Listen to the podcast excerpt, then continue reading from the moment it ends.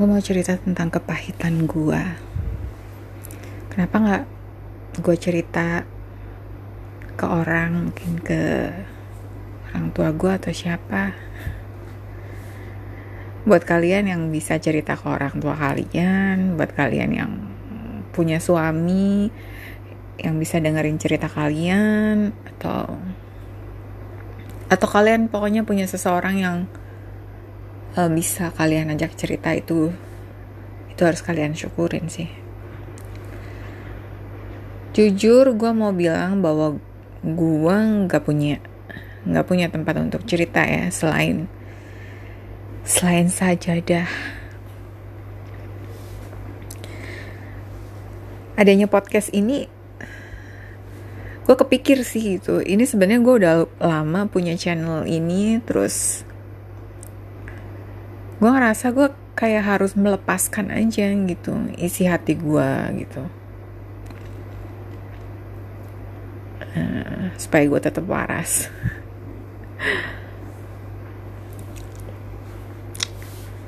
Apa yang gue rasain saat ini adalah gue udah ngerasa percuma untuk ngomong untuk hmm, cerita gitu ya tentang apa yang gue rasakan?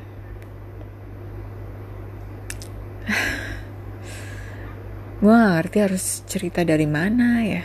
Mungkin gue random aja.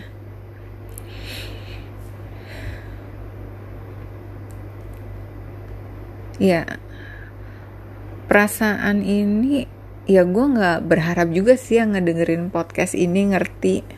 Dan gue juga nggak yakin ada orang yang posisinya sama kayak gue tapi ya gue gue coba untuk untuk gak omongin aja apa yang gue rasain.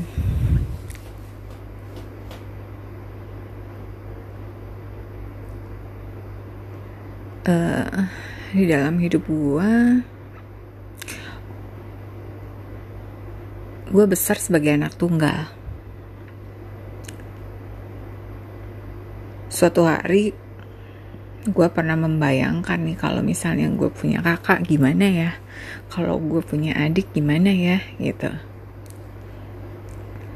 Dan ternyata gue anak adopsi. Gue punya keluarga. Keluarga kandung keluarga yang sedarah gitu ya waktu itu menjelang ya setelah gue lulus kuliah. Gue tahu semuanya. Dan karena gue ngebayangin bahwa wah nanti punya kakak punya adik kayak gitu ya bakal menyenangkan gitu. Gue berusaha baik banget gitu ya ke mereka semua gitu. Tapi entah kenapa yang gue terima itu selalu selalu perasaan di mana gue selalu ngerasa kayaknya memang keluarga itu tuh nggak menghendaki gue ada di antara mereka.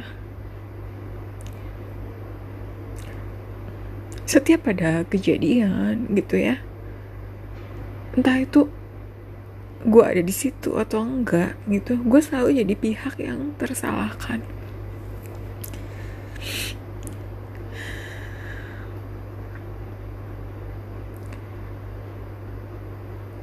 Secara finansial gue nggak pernah tergantung sama mereka dan gue nggak pernah ngerepotin mereka.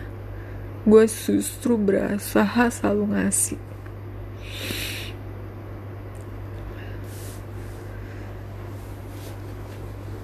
waktu itu orang tua gue orang tua kandung gue tuh mau naik haji. Dan gue nukerin duit 5 juta ke dalam real buat mereka bekel. Kemudian gue pesenin mukena. Mukena yang bahannya tuh bagus banget bordir dengan harga yang sangat mahal pada saat itu ya buat gue saat itu mahal karena mukena gue paling harganya 100 ribu gitu ya. Gue beli mukena harga 650 ribu.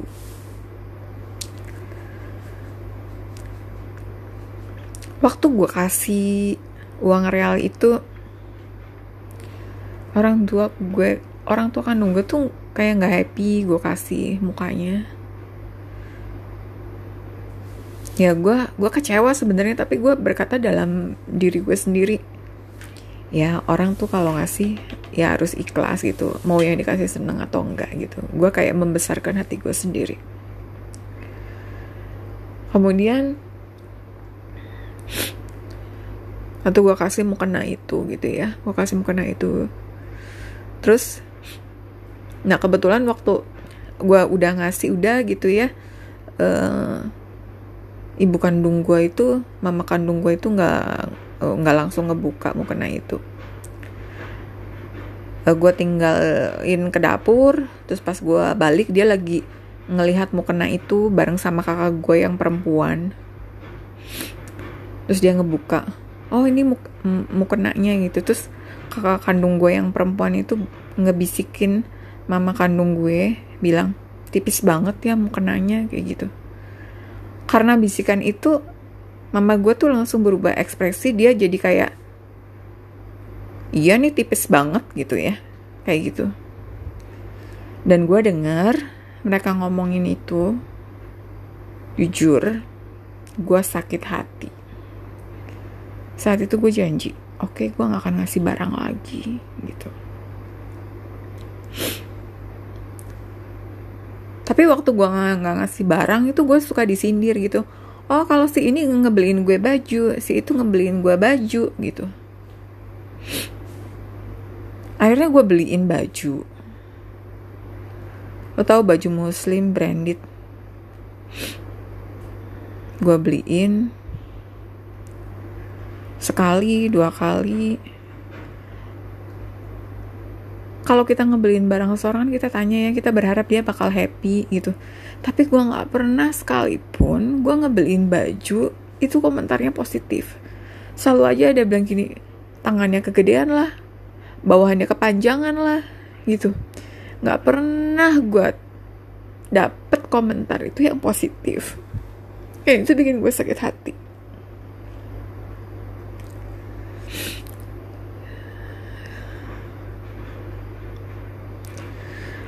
tapi sebagai seorang anak gitu ya karena gue pernah ikut pengajian bahwa sejahat apa pun orang tua kandung kita meskipun dia ngebuang kita itu nggak menggugurkan kewajiban kita untuk berbuat baik ke mereka.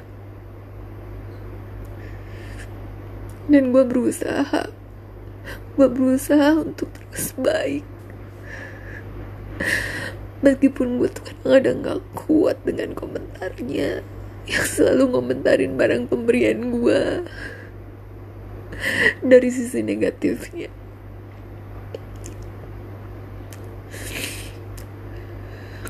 Hal lain kepahitan gue adalah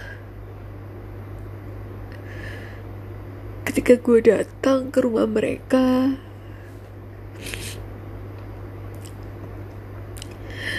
kebetulan kakak kandung gue yang cewek itu gak punya mobil dan nasibnya itu emang gak beruntung di hidupnya. Jadi dia punya suami juga kerjaannya menjadi security. Jadi waktu mau ke rumah mama gue disuruh ngejemput dia gue nurut gue ngejemput dia dan anak-anaknya.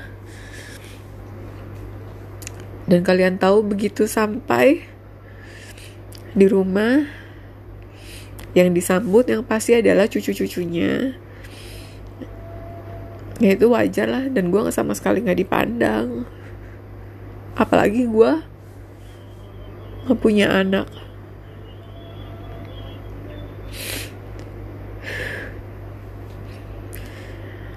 Udah gue nggak punya anak. Gue juga waktu kecilnya dulu dibuang. Meskipun mereka nggak ngaku. Tapi apa namanya Kalau orang yang sudah dititipin seorang anak oleh Tuhan lalu dikasihkan lagi ke orang lain, dengan alasan apa pun yang pasti itu nggak amanah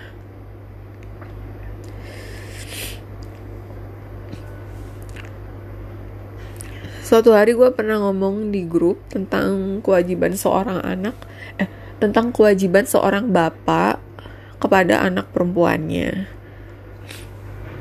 Di situ kan ada kakak gue yang cowok, ada adik gue yang cowok, gitu ya. Pesan itu buat mereka.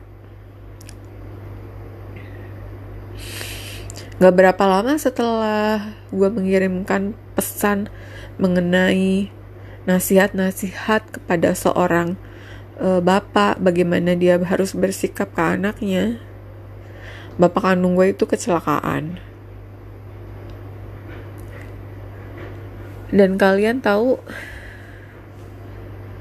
gue disalahkan atas kejadian itu dengan alasan bahwa bapak gue kepikiran karena pesan WA itu. Sebenarnya itu gila sih. mereka bener-bener nggak ada rasa sayang ke gue dan makinlah gue merasa memang memang nggak ada tempat gue di hati mereka apa pun yang gue lakukan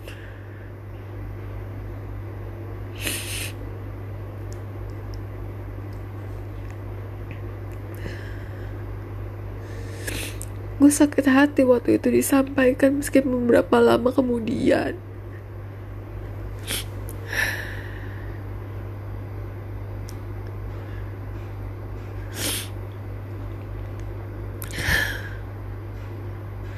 Kejadian lain, waktu kakak kandung gue pinjem uang ke gue, dia bilang pinjem, dia pinjem uang 7 juta 500 waktu itu di tabungan gue ada 8 juta. Gue langsung transferin 7 juta 500 gue gak ada alasan gue bilang gue gak punya duit waktu itu langsung gue transfer untuk biaya sekolah anaknya. Dia bilang pinjem tujuh setengah juta. Dan gue gak apa-apa ya pun di rekening gue tinggal 500 ribu. Tapi gue gak bilang ke siapa-siapa.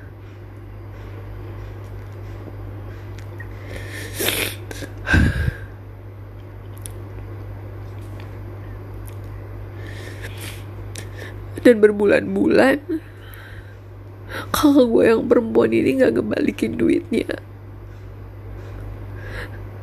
Sampai suatu hari mama kandung gue itu bilang ke gue eh kamu ngasih uang ya buat biaya sekolahnya anaknya kakakmu tujuh setengah juta gue langsung shock waktu dibilang gitu.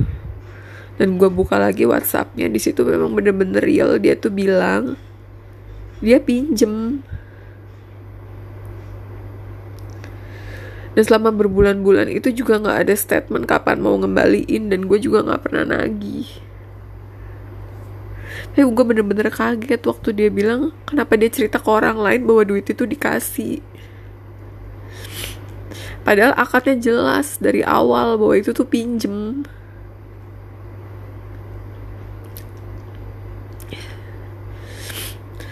Akhirnya gue cerita gitu. Gue cerita ke adik kandung gue. Gue tunjukin WA-nya. Tapi apa semua orang tuh ngebelain dia padahal gue mau mojokin dia juga enggak. Gue cuma menunjukkan kebenaran. Kalau kalau gue tuh ngasih. Karena akadnya dari awal itu adalah utang dan utang itu harus dibayar.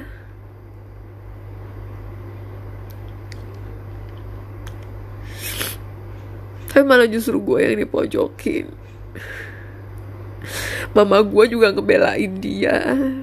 Alasannya mungkin dia nggak tahu itu kan kelihatan banget kebelainnya.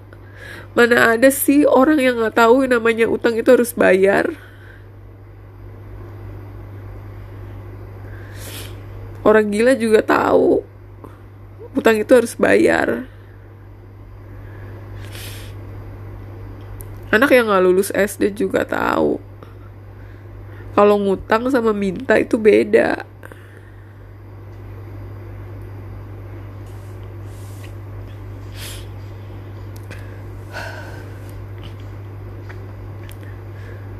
kepahitan lain adalah waktu pandemi covid. Kakak gue yang cowok kena covid. Dan gue satu-satunya di keluarga itu yang nggak dikasih tahu. Gue tahu dari kakak ipar gue. Dan gue di situ sangat-sangat gue sangat-sangat gak ngerasa dihargai dan itu semakin menegaskan menegaskan dugaan gue selama ini menegaskan perasaan gue selama ini bahwa gue memang gak pernah diterima sebagai bagian bener-bener keluarga.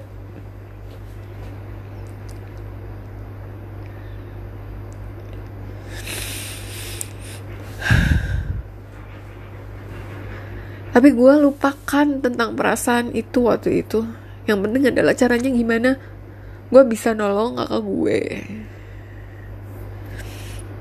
Gue pesenin vitamin-vitamin yang saat itu lagi susah banget dapetinnya semuanya gue kirimin. Pakai gojek.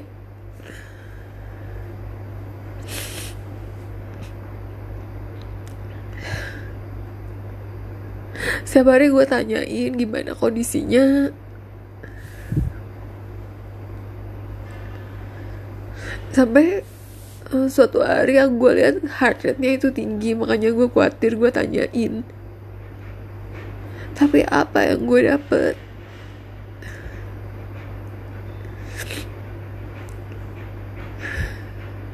Si adik gue malah si adik gue malah nggak terima dan nganggep gue itu cuma bikin khawatir aja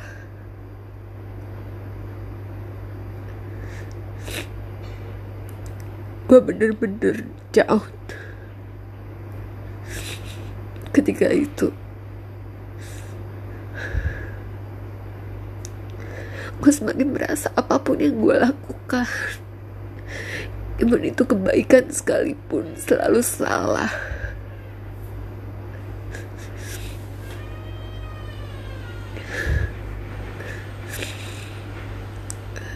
Memang betul ya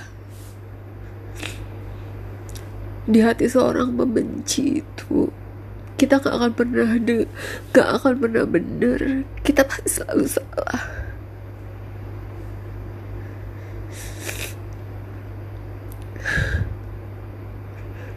Mereka selalu bela satu sama lain.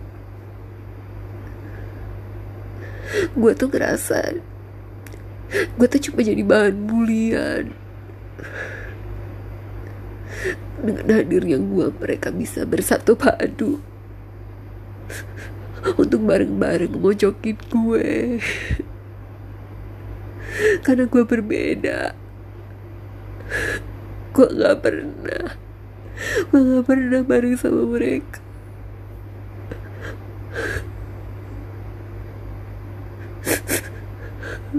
Dan perbedaan ini selalu mereka bahas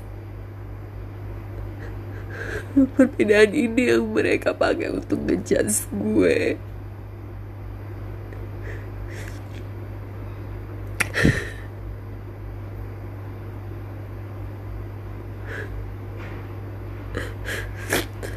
Orang tua yang udah mengadopsi gue sekarang dua-duanya udah gak ada.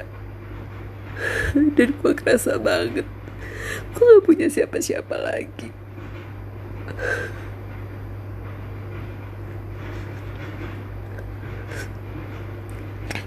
keluarga saudara itu gak pernah mensupport gue gak pernah bikin gue ngerasa nyaman. Selalu ngerasa bikin gue itu terpojok. Selalu membuat gue ngerasa gak berarti.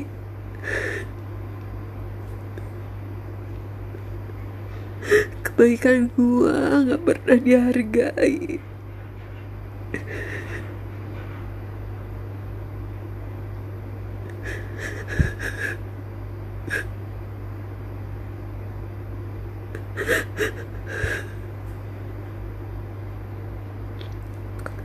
gue ngerasa gak nyaman kumpul sama mereka.